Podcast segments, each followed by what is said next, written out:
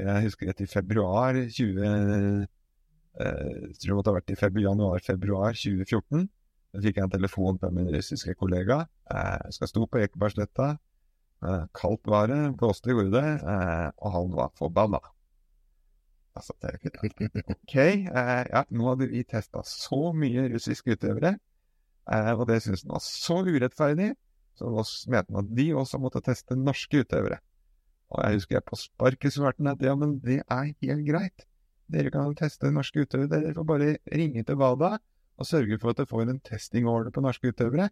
Så jeg har ingenting imot at dere tester norske utøvere på samme måte som vi tester russere. Jeg visste jo at vi hadde tilbudt russerne å være med, så at hvis de tilbød også å være med, og de kunne få testing-order på å teste norske utøvere, eh, så var ikke det noe problem.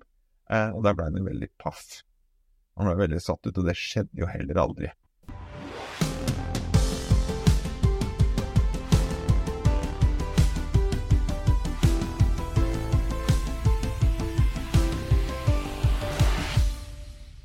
Ja, og velkommen til en ny episode av Antidopingpodden. Jeg heter Kjell Arne Jørgensen og er en ny stemme i podden.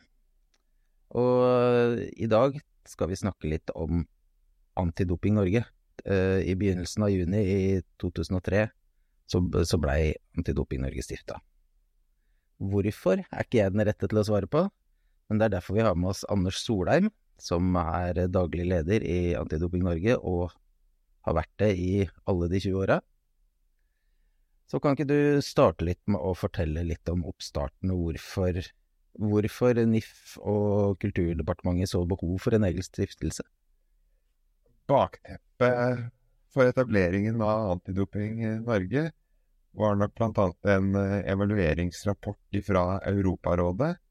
Eh, og grunnleggende eh, som lå bak, var nok at man ønsket at eh, Idrettsforbundet ikke både skulle ha ansvar for å drive fram toppidretten og toppidrettsresultater eh, under generalsekretæren, og også drive antidopingarbeidet under den samme generalsekretæren, og også ansvar for doms- og appellorganene som er oppnevnt av Idrettstinget. Så eh, det var jo også da en eh, bevegelse i internasjonal idrett på dette tidspunktet, gjennom etableringen av WADA i 1999 som en frittstående stiftelse, som da gjorde at man så behov for å gjøre det samme i Norge, slik at ikke det var bukken som passa havresekken heller i Norge. Og da var stifterne våre, altså Kulturdepartementet og Idrettsforbundet, enige om at man skulle etablere Antidoping Norge, og man var enige om å sette av vedtekter som skulle ligge til grunn for hva Antidoping Norge skulle gjøre for noe. Og dette ble da bestemt eh, på idrettstinget på Hell i Trøndelag. Så sånn sett kan vi si at vi kommer fra Hell. Ikke sant. Uh, du jobba i Kulturdepartementet da? Jeg jobba i Norges idrettsforbund på det tidspunktet. Uh, noen år tidligere så jobba jeg i Kulturdepartementet. Jeg var da leder for antidopingavdelingen i Norges idrettsforbund fra 2002, eh, ja, 2002 til eh, da 1. juli 2003 hvor Altidop i Norge ble eh, satt opp og var ansvarlig for driften. Så de første månedene så drev vi fra Norges idrettsforbunds lokaler. Eh, I løpet av et par måneder da, så flytta vi til egne lokaler. Så vi fikk vel ca. en måned på oss eh, ifra beslutningen var tatt på idrettstinget til eh, eh, vi skulle effektuere det og si at nå er dere ansvarlig for driften sjøl. Nå er det deres egne ansatte, dere må betale ut lønn. og dere må føre regnskap og alt sammen som en uh, egen selvstendig organisasjon. Og det var en hektisk måned i juni 2003. Det kan jeg tenke meg. Og hvordan var det så for deg, da? Du var jo relativt ung. Å få det ansvaret ja, gitt til deg. Jeg veit ikke om du ville ha det, eller om... Jeg syns det var kjempegøy. Jeg uh, på en måte jeg har vel en litt sånn gründer i meg. Eh, så jeg syns det var en, eh, en, artig eh, utfordring. Ganske hektisk, men spennende å kunne få være med å bygge en, en ny organisasjon helt fra grunnen av. Mm. Hva var det du så for deg når du Sånn helt i starten, hva var det Antidoping Norge skulle bli? Ja, jeg hadde nok et ønske om at uh, Antidoping Norge skulle være antidopingorganisasjonen i Norge. Uh, og også at vi kunne ta på oss et ansvar for uh, dopingbruk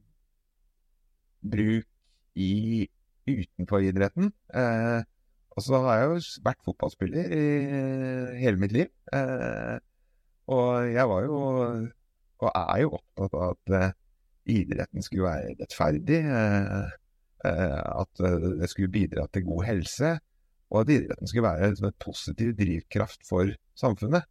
Og at treningsmiljøene skulle være et positiv drivkraft for samfunnet. Og det hadde jeg jo ikke sett gjennom fotballspillinga at det var noe stort problem. Men jeg hadde opplevd det i jobben i Kulturdepartementet, når vi snakka med mennesker, særlig på en måte da som ikke drev idrettsaktivitet, at eh, dopingbruk i treningsmiljøet var i ferd med å bli en slags subkultur som ødela livet til unge mennesker. og Det syns jeg, jeg, var for gærent. Og som idrettsutøver så var jeg selvfølgelig opptatt av at det skulle være rettferdighet. Det var det som trente best og, og jobba hardest som, eh, som eh, vant idrettskonkurransene. Uh, og sånn sett så er det på en måte VAR er jo nå det neste grepet, siste grepet, som er mye omtalt og mye diskutert, uh, men som er der fordi at det er beste, det beste laget som skal vinne, og ikke en tilfeldig feil av en linjedommer. Det irriterer deg jo som spiller, uh, i hvert fall når du spiller på kanten, at linjedommeren ikke skjønner om ballen er ute eller inne. og nå får han jo da hjelp, og det samme er jo egentlig med, med antidopingbestemmelsene. Det skal jo bidra til at det, det er den beste utøveren som vinner det er rettferdig. Så du, du, spilte jo på det øverste nivået i Norge for Vålerenga. Hadde du noe Hadde du opplevd noe antidopingarbeid eh, når du, du, spilte fotball? Var det noe som var i tankene i det hele tatt?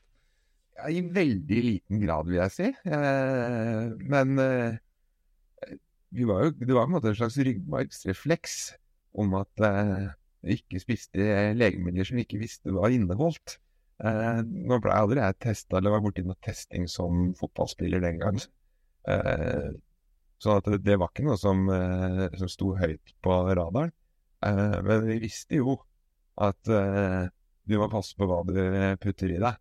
Eh, og det var jo sannsynligvis nok den gangen. Dette er jo et ganske stort spørsmål, men i løpet av disse 20 årene, hva er det du ser er liksom de viktigste milepælene for Antidoping Norge? Og det er, det er mange. En ting som Hvis vi går tilbake igjen den gangen, så snakka man For å starte på det, svare på det spørsmålet med et litt langt svar, det, så snakka man jo ofte om purken. Eh, jeg er sikker på De unge i dag vet ikke hvem purken var. Eh, men det var altså et slanguttrykk for politiet. Uh, og man snakka også om doping i jegere. Det er jo noe som måte, går igjen litt enda. Uh, men vi er jo ikke på jobb for å ta noen. Vi er jo på jobb for å bidra til en ren idrett. Og noen ganger da så ender man jo selvfølgelig opp med at man avdekker doping. Men jeg så på en måte at vi ønsket å være en positiv drivkraft for idretten. Og på samme måten så tror jeg politiet på den tiden ønska å være en positiv drivkraft for samfunnet. Så eh, jeg husker at Oslo politidistrikt innførte et, måte, en nytt slagord på at de skulle være på jobb for et trygg hovedstad. Eh, og vi tok vel måte, med oss det, og sa at eh, vi ønsker ikke å være dopingpolitiet. Vi ønsker ikke å være dopingpurken. Vi ønsker ikke å være dopingjegerne. Så da bygde vi opp en portefølje rundt at vi er her for de rene utøverne. Og det er jo derfor vi i dag har programmer som da heter Ren utøver, Rent særforbund, Rent idrettslag. Eh, fordi at det, antidopingarbeidet er jo her for å gjøre et positivt bidrag, sånn at det skal være sunt å gå på trening, og det skal være rettferdig å delta i konkurranser.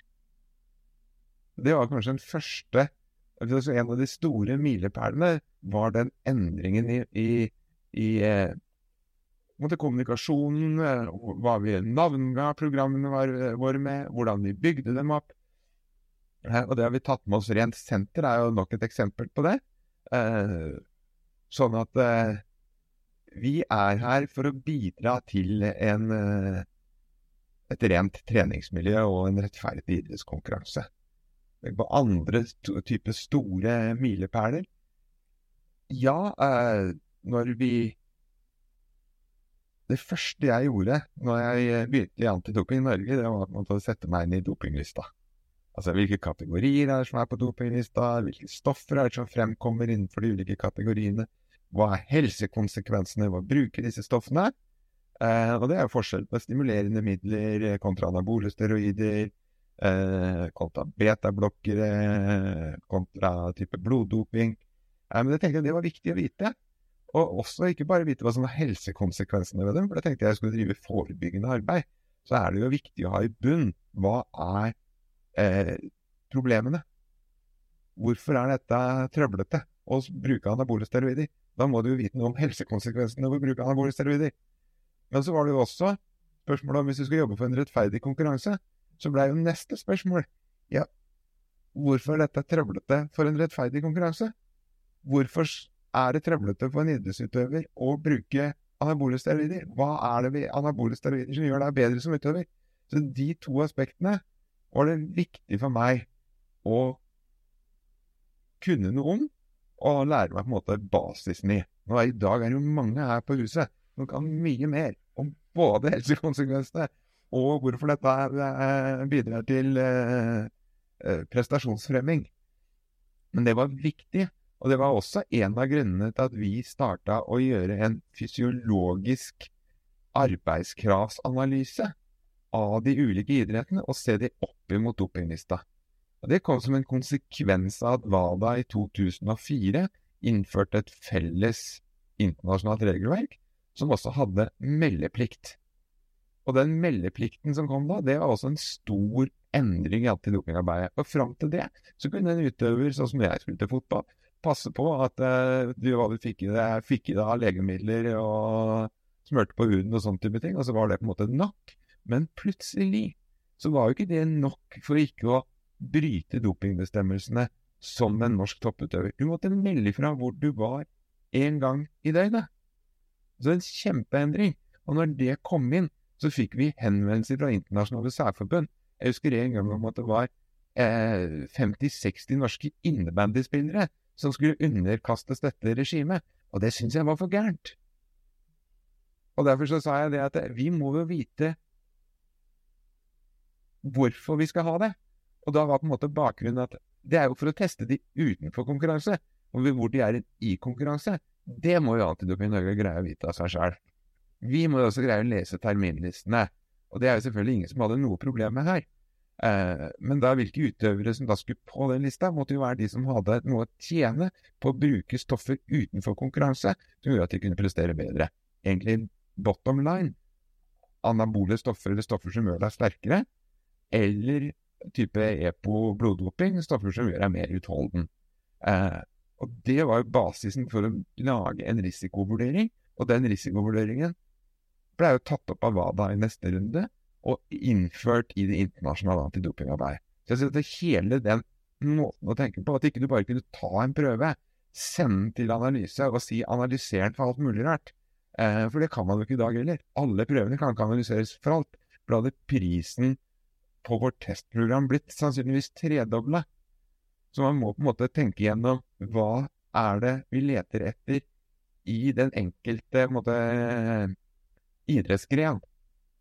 Eh, og den måten å tenke på, både når det gjelder meldeplikten, hvilke utøvere er det som skal underkastes meldeplikten, hvilke typer tester skal vi ta, og hvordan, hva skal vi analysere de på i de ulike idrettsgrener, det var nok en milepæl i arbeidet.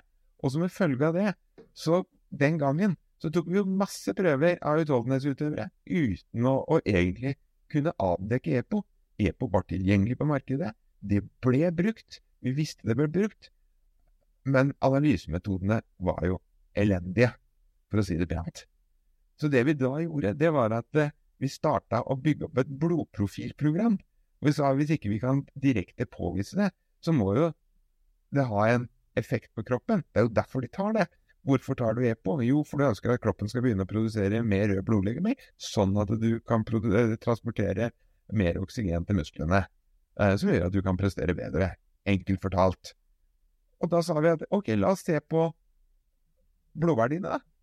La oss se på hemoglobinene og se på retikulocyttene, unge røde blodlegemer, og ta, hvordan de forholder seg til hverandre. Og Det vi da gjorde, var at vi dro til Danmark. Vi dro til eh, København og hadde møte hjemme hos Bengt Saltin. Eh, og dette er eh, trakk litt ut på å finne liksom en type protokoll på hvordan disse prøvene skulle tas, hvordan det skulle settes sammen, eh, hva slags eh, type laboratorie de skulle analyseres på.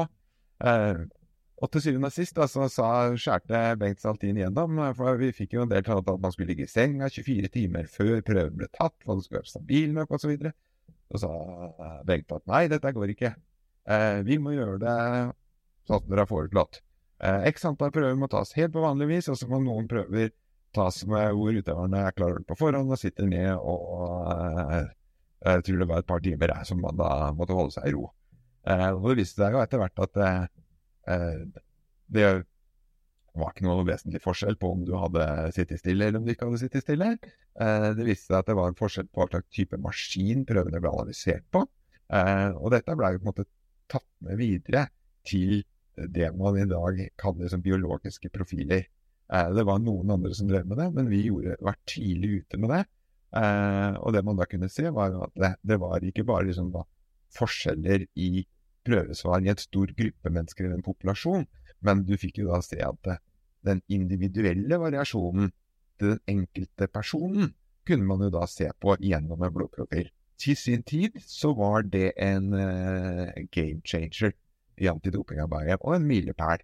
Uh, for man skjønte jo ganske snart at drev du på med dette her sånn, i det omfanget og det liksom, som man uh, gjorde for å dope seg, så, eh, så blei det nok avdekka.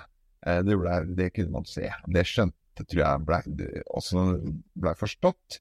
Og at man da reduserte i hvert fall mengdene i betydelig grad, eller slutt ikke gjorde det i det hele tatt. Ja, så, så, hvor viktig vil du si at Antidoping Norge har vært for uh, blod... Altså avdekkelsen av e EPO for hele, hele idretten, ikke bare i Norge? Jeg tror vi var en av, liksom, en, av, en av, de pådriverne for å få til et blodprofilprogram. Eh, men sjøl liksom, analysemetoden som var på laboratoriet, den hadde ikke vi noe med å gjøre. Eh, så den har utvikla seg på laboratoriene. Men det at man skulle ta blodprøve, at man skulle måle eh, hemoglobin, retikulocytter, se det i forhold til hverandre, der var nok vi en av de eh, antidopingorganisasjonene som var mest frempå. Uh, i hvert fall som nasjonal antidopingorganisasjon. Det var noen internasjonale særforbund som drev litt med det, men de hadde såkalte uh, grenseverdier som gjorde at du fikk en eller annen slags type eh, startnekt en periode. Eh, og det syns ikke vi heller var liksom riktig. Eh, for da tenker jeg da må vi gjøre det ordentlig, da. Ikke bare gi de startnekt i 14 dager, og så kan de delta i på, hvis du har bloddopa deg For man hadde for dårlige analysemetoder. Altså, det holder ikke. Eh, vi må gjøre det bedre. Eh, og da var det gjennom et blodprofilprogram eh, som vi sa at det må være løsningen på det. Og det samme har vi jo eh, tatt initiativ til å gjøre for veksthormonavhengige mark eh, markører. Eh, men, men, det å ha et blodprofilprogram, det, en av, det er nok en av milepælene som vi har tatt initiativ til å få til. Mm. Det, det, er jo mye Altså, folk flest vil nå uh, sikkert forbinde Antidoping Norge med nettopp det her at uh, ja, dopingjegere og det her eh, innafor idretten, da. Men det gjøres jo også veldig mye utafor idretten. Eh, hvorfor er det så viktig for deg at Antidoping Norge er en, altså er en pådriver også utafor idretten? Fordi at Bakteppet for det er at det å trene eh, Alle tenker jo på at det er positivt for deg. Eh, det er bra. Eh, og så så vi jo at det vokste fram enkelte subkulturer innenfor treningssegmentet, hvor unge mennesker på kanskje 25 år endte opp med å få hjerteinfarkt, ødela livet sitt, eh, endte opp med det man kalte liksom steroideraseri, eh, begikk eh, Var aggressive, plaga familien sin, eh, tok eh, voldelige handlinger. Så, og sånn tenkte jeg det skal det ikke være. Og det, Utgangspunktet for det var jo ikke det. det var jo, vi skjønte jo at dette her dreide seg om anabole steroider. Og misbruk av anabole steroider. Eh, så det der Noen må gjøre noe med det. Eh, og vi må kunne noe om anabole steroider.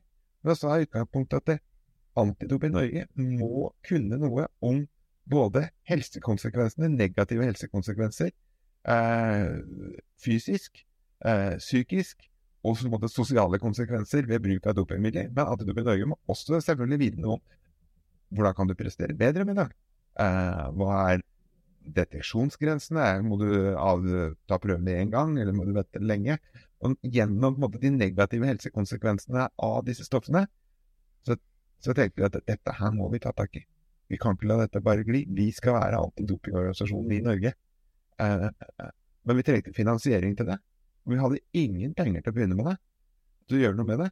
Så det første var egentlig da å se om ja, hvordan kan vi skaffe oss noe finansiering til det. Så fikk vi til et samarbeid sammen med Norges treningssenterforbund. Jeg reiste opp på Skullerud og holdt foredrag på 14-15 treningssentre. Og det tror jeg de betalte borti 20 000 hver eh, for å være med på å bygge opp et antidopingprogram. Men det var en utfordring for treningssentrene også. Det var treningssentre som måtte ha securities-vakter på utsida av døra si. Eh, så dette var viktig å få gjort noe med. Og det å greie for oss da, altså på en måte få snudd den trenden, få treningssentrene med til å tenke at uh, er, vi er ikke her for å gi folk sprettrumpe og stor biceps. Vi er her for at uh, medlemmene våre, kundene våre, skal få et bedre liv, skal ha et sosialt samvær, skal kunne trene, ha det hyggelig, uh, og at det skal være godt for deres liv. Det var viktig, og det fikk vi til. Og det er jeg veldig stolt av, at vi har fått at norske treningssentre bidrar til en ren treningskultur. Eh, og det har vi jobba med over tid. Eh, og vi har eh, treningssentrene bidrar til det selv. Og det tror jeg er helt vesentlig, for det er jo de som, de som treffer kundene. Det er de som er i kontakt med medlemmene. Og det er et ansvar som de må ta, men som vi må på en måte fasilitere og bidra til at de kan ta. Og det har vi fått til. Og det er også jeg tror jeg, en viktig milepæl i, i, vårt arbeid. Mm. Uh, nå er jo anabole steroider ulovlig. Det har det jo ikke alltid vært. Hvor, hvor stor frustrasjon har det vært uh, at det har vært uh, lovlig i Norge? Ja, vi møtte jo på en måte argumenter med at dette er ikke farlig, for det er ikke ulovlig. sånn at det, det dere, det dere holder på med, er bare tull og tøys. For i Norge så er alt som er Hva sa de det den gangen? det mente liksom at alt som er farlig, det er ulovlig. Eh, og hva vet jeg, på det tidspunktet var det sannsynligvis en del forhold som er tillatt i dag, eh, eh, ulovlig den gangen også. Men eh, Og når det gjaldt det var ulovlig da å, eh, å omsette og selge eh, men det var på en måte da tillatt å kjøpe til eget bruk. Da skal man liksom ikke sanksjoneres eller følges opp av staten på noe vis. Så Derfor så var det viktig å få til. Eh, og det, Vi begynte jo egentlig med å skrive brev til en rekke departementer eh, om eh, utfordringene vi så, om aggressiv atferd. Så ble det nedsatt en, et utvalg som skulle se på aggresjon og vold knytta til bruk av anabole steroider. Eh, men inngangen til det utvalget var så snevert. Eh, som at data var gjort så snevert, hvis ikke jeg husker feil, at eh, man da egentlig sa at man skulle se etter sikker årsakssammenheng, mer eller mindre. Eh, og det var ikke så lett. For skulle gjort det på en måte på medisinsk grunnlag, så måtte du jo gitt folk anabole steroider i dopingdoser over tid. Og fulgt med de og sett om Eh, var de mer aggressive og bidro det til mer voldelige handlinger enn en kontrollgruppe som ikke fikk det. Uh, og Et sånt prosjekt ble selvfølgelig aldri gjennomført, og det har aldri fått godkjenning av etisk komité. Eh, og Derfor så kom man jo tilbake og sa at man kunne ikke se noe sikker sammenheng mellom dette her. Eh, og det satt jo det arbeidet på, måte, la det på is da, en del år. Men i 2013 så blei jo det innført et forbud mot erverv, besittelse og bruk av anabole steroider. Og det tror jeg er helt nødvendig. Jeg tror det er viktig i forhold til når man diskuterer vold i nære relasjoner, hjemmet, at det er en del som kan være tatt av anabole steroider og bidra til voldelig atferd. Jeg tror du kan se Hvis du hadde gjort undersøkelser knytta til gjerningspersoner som har begått voldelige handlinger, så jeg tror jeg det vil være overrepresentert. Så kan man kanskje si det på den annen side, at det, ja, men det, det, det er jo ikke det at man har brukt anabole steroider som gjør det, det er jo forhold knytta til eh, eh, situasjonen som sådan, som gjør at det, det, de voldelige handlingene skjer. Eh, og det vet man selvfølgelig ikke 100 svaret på. Eh, men jeg mener at når det er svaret er så overveiende sannsynlig, eh, så vil du bidra til en negativ samfunnsutvikling, helseskade på en rekke mennesker, fordi at man ikke er 100, 100 liksom sikker eh, vitenskapelig. Eh, og det mente jeg at det, kan, sånn kan vi ikke ha det. Når vi veit at dette her skjer. Det er litt som å si at Johan Myrleg han brukte NESP og ikke EPO, som var på en måte første generasjon. Så da Johan Myrleg kunne man ikke si 100 sikkert hadde prestasjonsfremmende effekt av NESP, så da kan man ikke forby NESP i idretten. Altså, det går jo ikke.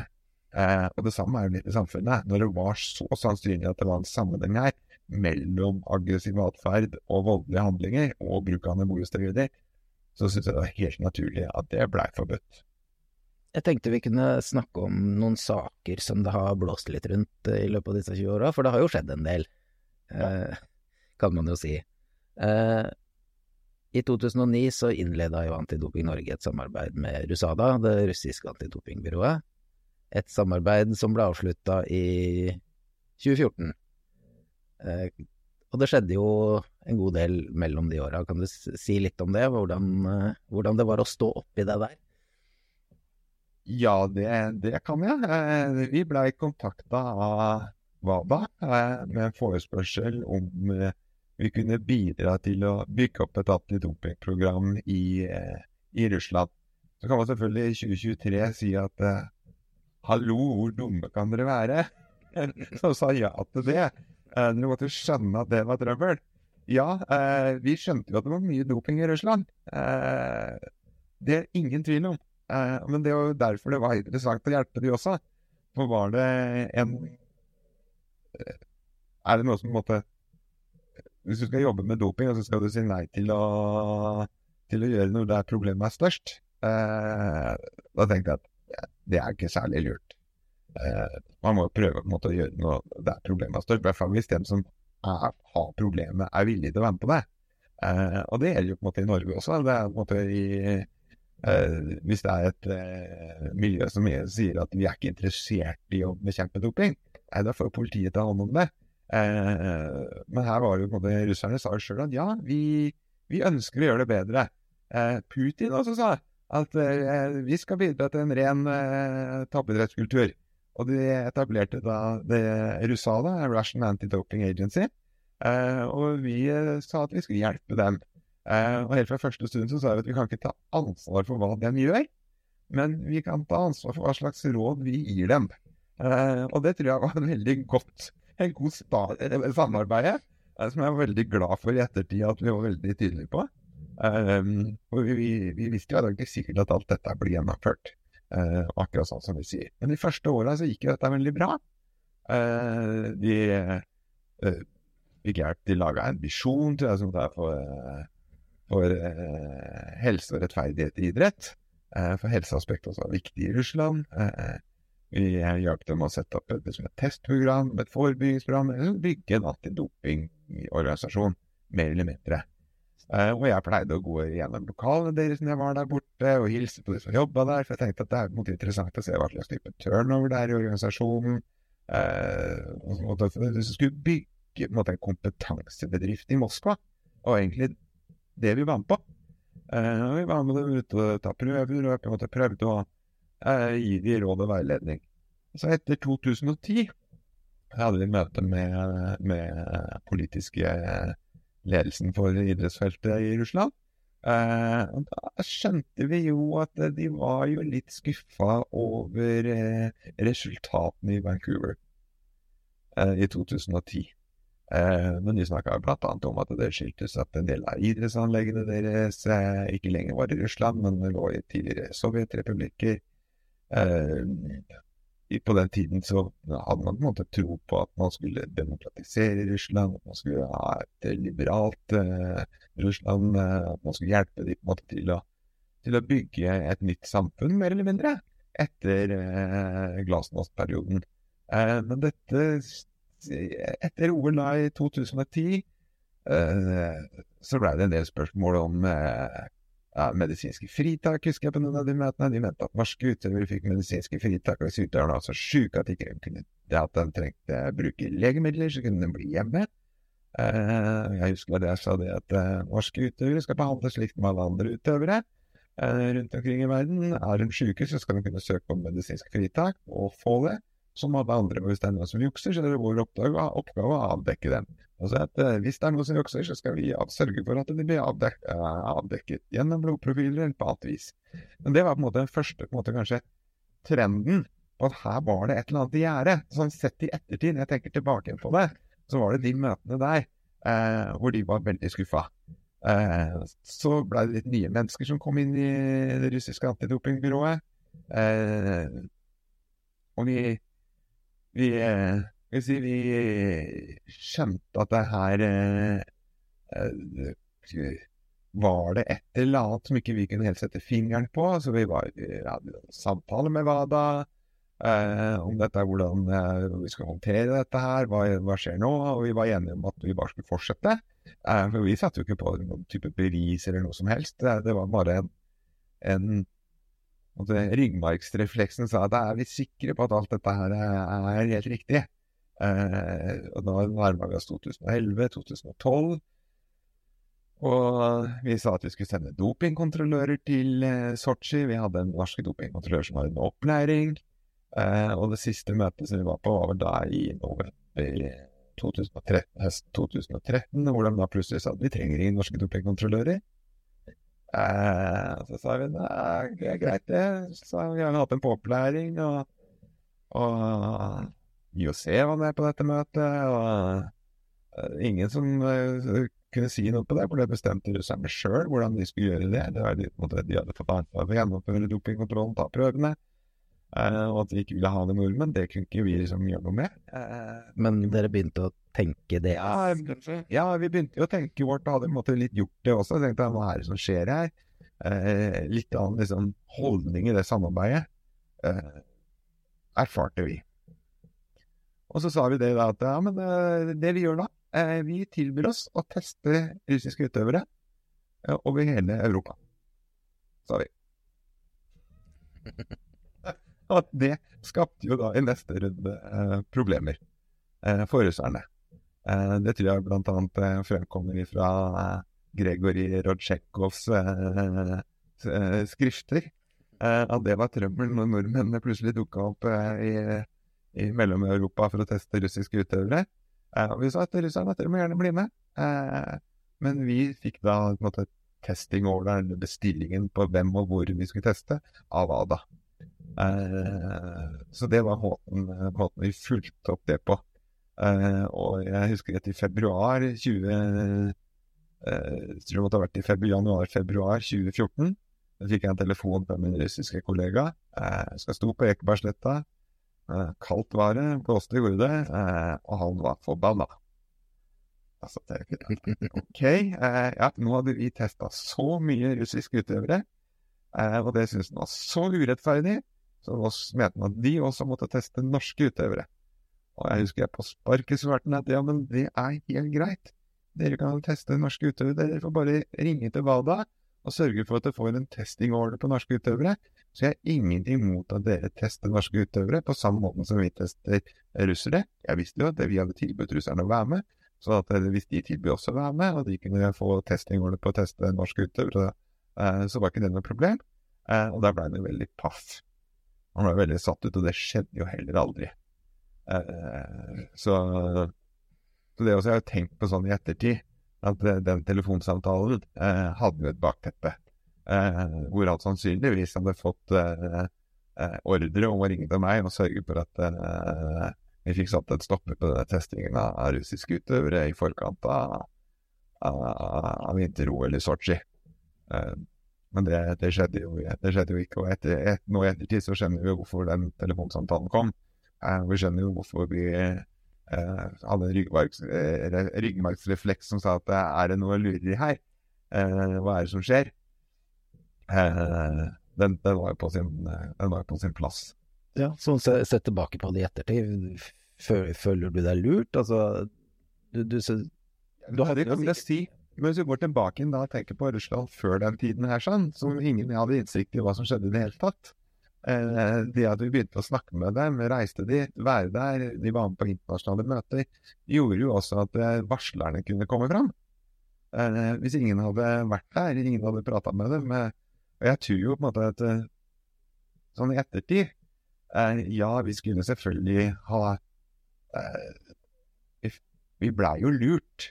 Men hvis ingen hadde latt seg lure, så tror jeg, jeg er heller ikke sikker på om dette hadde blitt avslørt. Til syvende og sist hvor omfattende det var, hvordan det ble drevet fremover.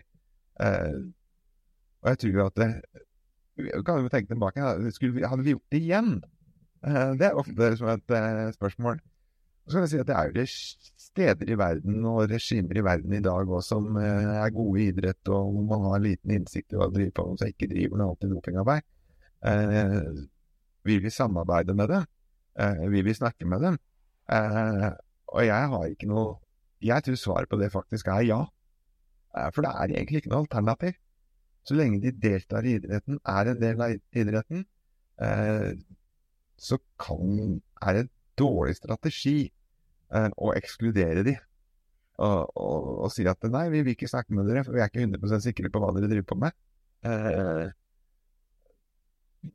Eh, ja, det er jo nettopp eh, når de sier at ja, vi ønsker å bekjempe doping, eh, vi vil det, eh, så må man på en måte stikke Det er liksom litt som en selger det er som eh, får dem til å lukke opp døra, så stikker du foten i døra, og så sier du at La oss snakke sammen!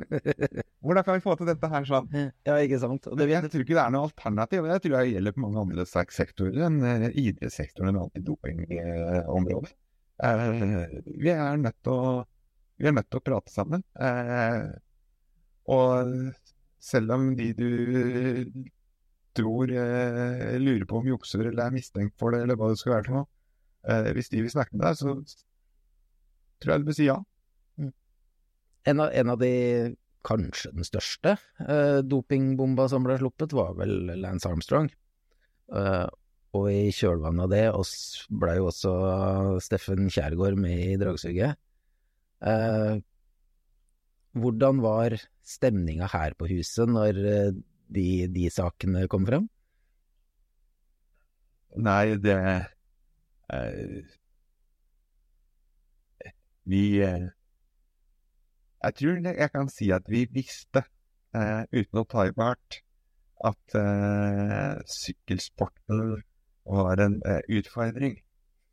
Det var diplomatisk. Det var, det var diplomatisk uttalelse. Det, det, det, visste vi. Eh, så det var jo ikke noe, det var ikke noe sjokk. Vi hadde jo eh, Jeg tror jeg hadde hatt noen diskusjoner med eh, profesjonelle danske sykkelmiljøer før det, som mente at jeg var ganske tjukk i huet eh, og hadde fått sendt det utover det landstrakte landet både i Norge og Danmark. Fordi at vi stilte spørsmål ved noe av det som skjedde der. Så, men når, når, det kom fram knytningen til Steffen Kjærgaard kom fram, så hadde vi en god dialog med våre amerikanske kolleger. De sendte et team hit som var med og gjorde intervju med, med Steffen. Eh, det gjorde vi i en gymsal nede i Vestfold, fordi at eh, vi ville gjøre det uten at eh, hele Presse-Norge sto på utsida. Og jeg bestemte meg da tidlig at dette skal jeg være med på. Jeg skal å vi var jo faktisk også de som sa at her er det viktig å ta vare på Steffen som person. Det hadde vi lært oss, og det så vi var de som sa det. Skille mennesket Steffen Kjærgaard fra utøveren? Eh. Ja. Eh, eh, så det har også vært viktig for oss i antidopingarbeidet å få både særforbund og det, klubber og miljøet som utøveren er en del av, til å skille personen og ta vare på personen. Samtidig som at de eh, må hadde forventa de at eh, de legger korta på bordet og forteller hva som har skjedd, og hva de har vært med på, og hva de veit. Eh, så at vi var med dit da jeg var med ned og snakka med Steffen, og, og, var med på mange av samtalene med Steffen underveis eh, på veien. Mm.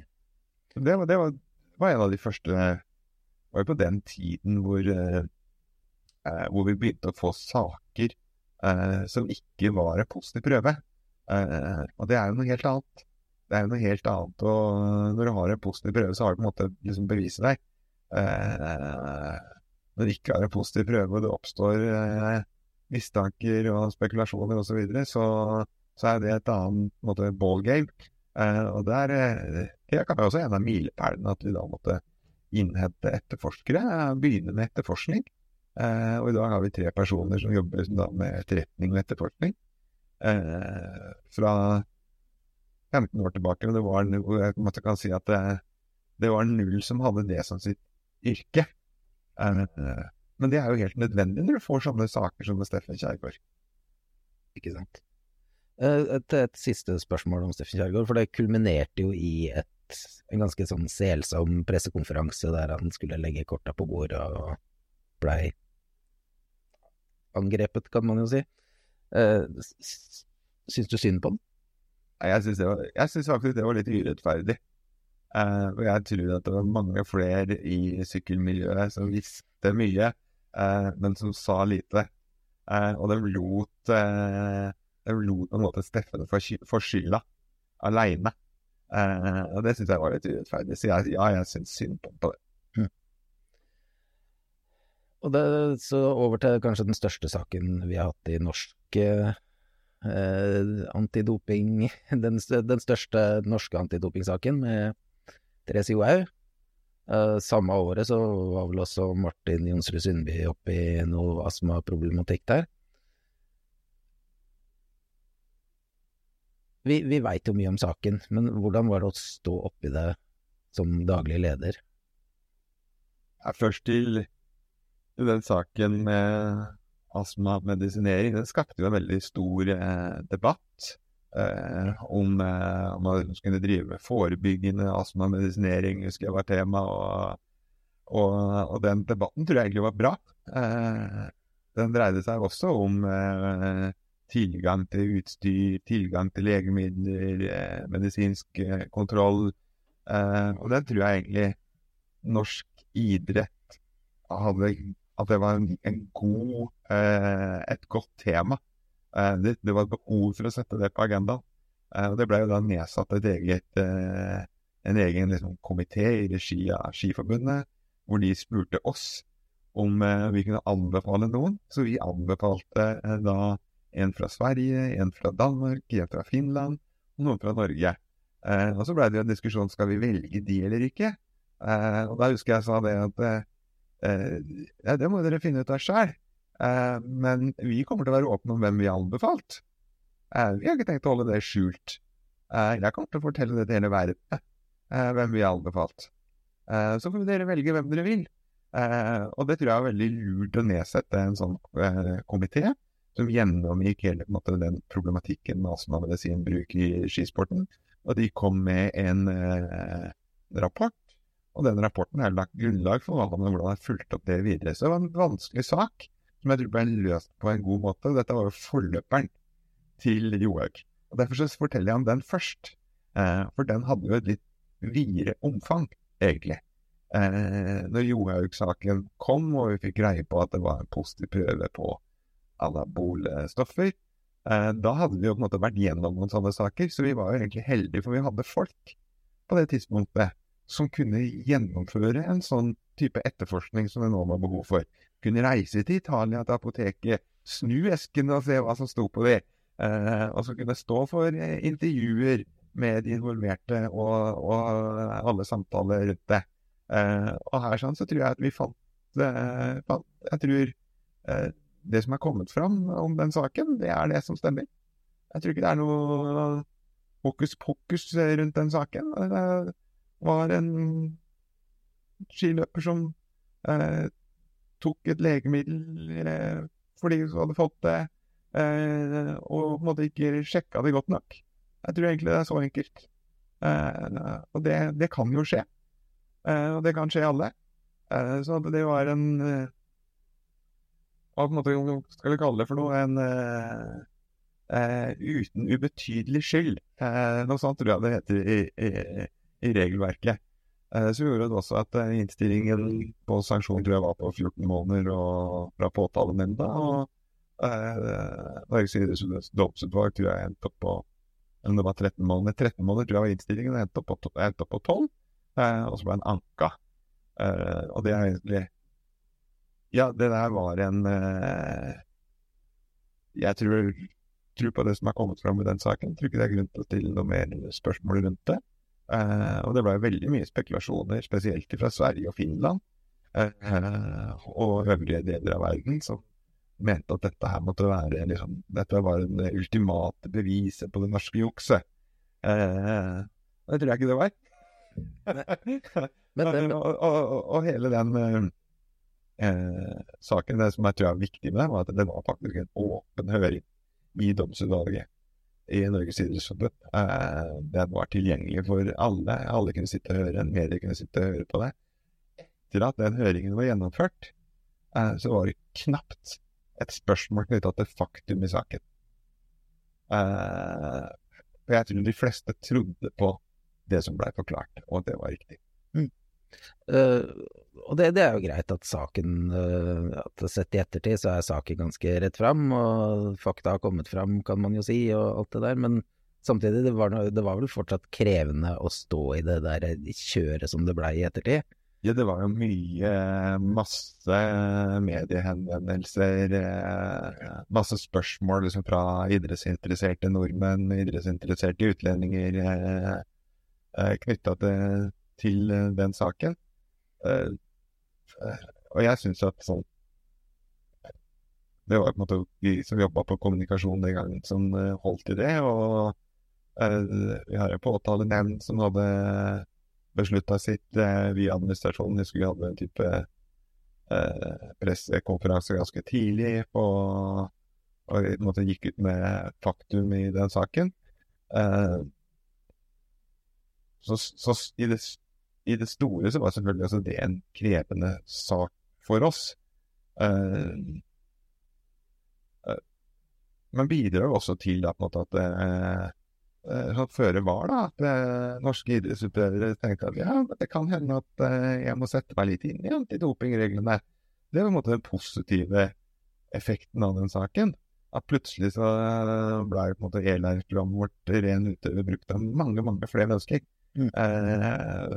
Eh, og det ble på en måte satt et fokus på at ja, du kan Det er ikke sånn at du er nødt til liksom, å bevisst jukse for å bryte dopingbestemmelsene. Og det er kanskje liksom den ettertiden uh, vist oss også, at det, og befolkningen på en måte er klar over at ja, det er faktisk mulig å havne bort i en dopingsak uten at du har gjort det med viten og vilje. Uh, og det, det, tror jeg egentlig er greit, for det er jo sånn det er. Og det er bra. Så du kan ikke ta alle liksom, dopingsaker over én kam og si at ja, du har tatt litt doping, så ja, du har med viten og vilje juksa og ødelagt for mange andre. Nei, det er ikke sånn. Du går an å bli tatt i doping uten å ha viten og vilje og juksa og prøvd å ødelegge for alle andre. Men da må du på en måte ta konsekvensen av det. Eh, og det må du være klar over. Det er dopingsaker som kan gå fra en advarsel til fire års utestengelse. Kanskje mer. Du følte aldri at det var noen som var ute etter å ta Antidoping Norge i den saken?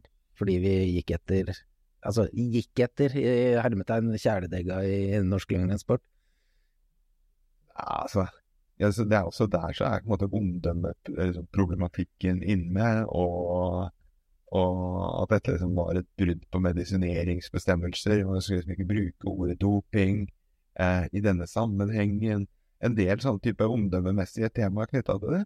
Eh, men det tenkte jeg, vi, vi snakka jo om det og tenkte at nei, men det kan ikke vi være med på. Dette er et brudd på dopingbestemmelsene. Mm. Eh, det er det det er, og det må vi kalle det. Vi kan ikke drive og kalle det noe annet. For det er ikke noe annet. Det er et brudd på dopingbestemmelsene. Eh, så den hele den omdømmeproblematikken og på en måte eh, norsk skisport som, eh, som, som merkevare. Eh, at det kunne ha måte konsekvenser på det området, det, det er ikke vår oppgave. Eh, da må vi bare være stat eh, og si at eh, vi kan liksom ikke begynne å bortforklare dette her på noe som helst slags vis. Vi trodde på det som ble sagt. Det var et brudd på dopingbestemmelsene. Det er vår oppgave å si det. Det må vi bare stå i. For vi kan på en måte si hva de ville. Jeg tror dette var en, en uheldig hendelse i det miljøet i, som for Therese Johaug. det er det du er riktig.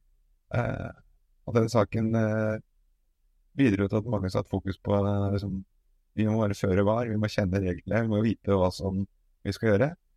Eh, og også vist eh, det norske samfunnet at eh, det er ikke all dopingbruk som er med viten og vilje, og, som, eh, eh, og det må man tenke på også når det er utenlandske utøvere det trener. Hva er det du er mest stolt av? Eh, jeg er stolt av at vi har fått til å være som en bidragsyter til et rent treningsmiljø, en ren idrett. Eh, som nevnt, det er jeg stolt av. Jeg er stolt av at vi har fått til den, eh, den lovendringen som gjør at erverv, besittelse og bruk av doping blir forbudt. Jeg er stolt av at vi fikk fram eh, blodprofiler og biologiske profiler, og at vi har et apparat og system for det i dag. Jeg er stolt av at vi har fått med AFN, alle norske særforbund, til å eh, ta ansvar for å drive et eh, forebyggende antidopingarbeid. Jeg er stolt av at vi har fått med mange norske idrettslag til å drive et forebyggende antidopingarbeid.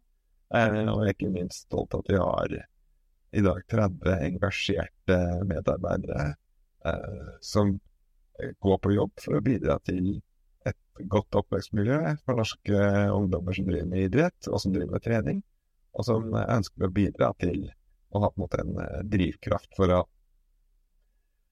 for å skape en, en, en, ren, en ren idrett og treningsmiljø. Og hvis vi ser litt inn i krystallkula, hva, hva, tror du de neste 20 åra bringer i antidopingarbeid? Hva står vi overfor? Jeg tror eh, vi står selvfølgelig overfor en, eh, liksom en, voldsom liksom, digitalisering. Vi snakker nå om eh, kunstig intelligens og AI, eh, f.eks. Eh, bare de siste månedene er egentlig det satt på agenda. Eh, så jeg tror vi står overfor et, eh, et samfunn som eh, hvor på en måte tilgang til kunnskap eh, vil være helt annerledes fremover. jeg tror det er viktig at vi også i det arbeidet ivaretar personvern, personopplysninger. Så tror jeg at vi som antidopingorganisasjon, hva er det egentlig vi driver på med? Det er Selvfølgelig så skal vi bekjempe doping, bidra til et rent treningsmiljø, men jeg tror vi må se det i lys av måte, FNs bærekraftsmål, om å bidra til god helse. Jeg tror vi må se det i FNs bærekraftsmål om å forhindre korrupsjon, eh, eh, bestikkelser, eh, og at vi i Norge vi liker jo å fremstille idretten i eh, som heter dugnadslys. Vi snakker om ildsjel, vi snakker om vaffelstekerne, vi snakker om pølsekokerne. Eh, nede i Vestfold snakker de også om pølse i vaffel. Eh, så, så, vi liker jo å fremstille det på den måten. Men eh, internasjonal idrett eh, er også en betydelig næringsvirksomhet. Masse penger å tjene. Eh, og jeg tror at der er penger å tjene, så vil det også være noen som prøver å jukse noen som tilraner seg de penga på feil grunnlag. Eh, og Det er på en måte kanskje Lance Armstrong, US Postal-saken, det store økonomiske eh, bidraget inne. Eh, og vi ser internasjonal toppidrett, og også etter hvert norsk toppidrett. Betydelige økonomiske ressurser. Eh, og det tror jeg vi må ta inn over oss. Jeg tror vi må rigge antidopingarbeidet sett i lys av omsetningen av den virksomheten vi skal kontrollere. Det er ikke lenger amatører vi snakker om.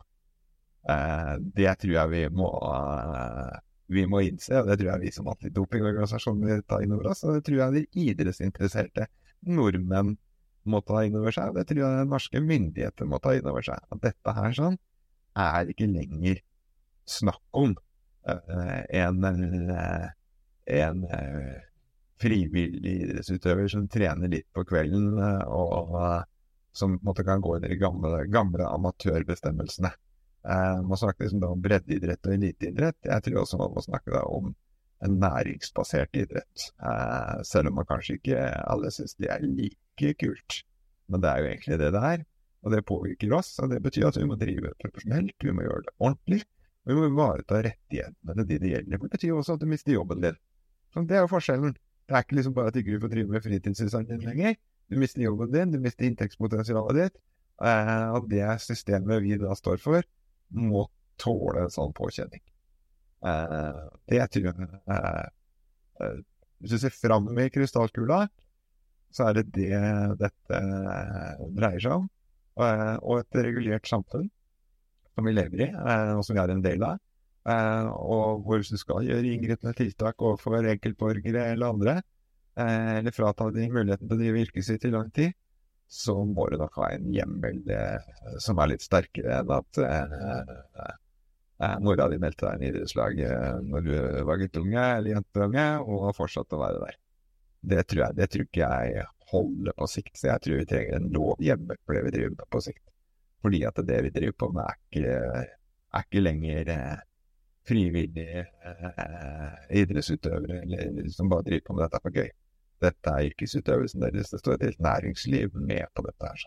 Man må se det på det i det lyset. Og da må vi rigge virksomheten i forhold til det også. Og med det så sier vi takk til Anders Solheim, og takk til dere som hørte på. Dette har vært Antidopingpodden. Eh, det kommer flere podkaster utover, utover sommeren, så det er bare å følge med. Jeg har vært Kjell Arne Jørgensen, og takk for meg.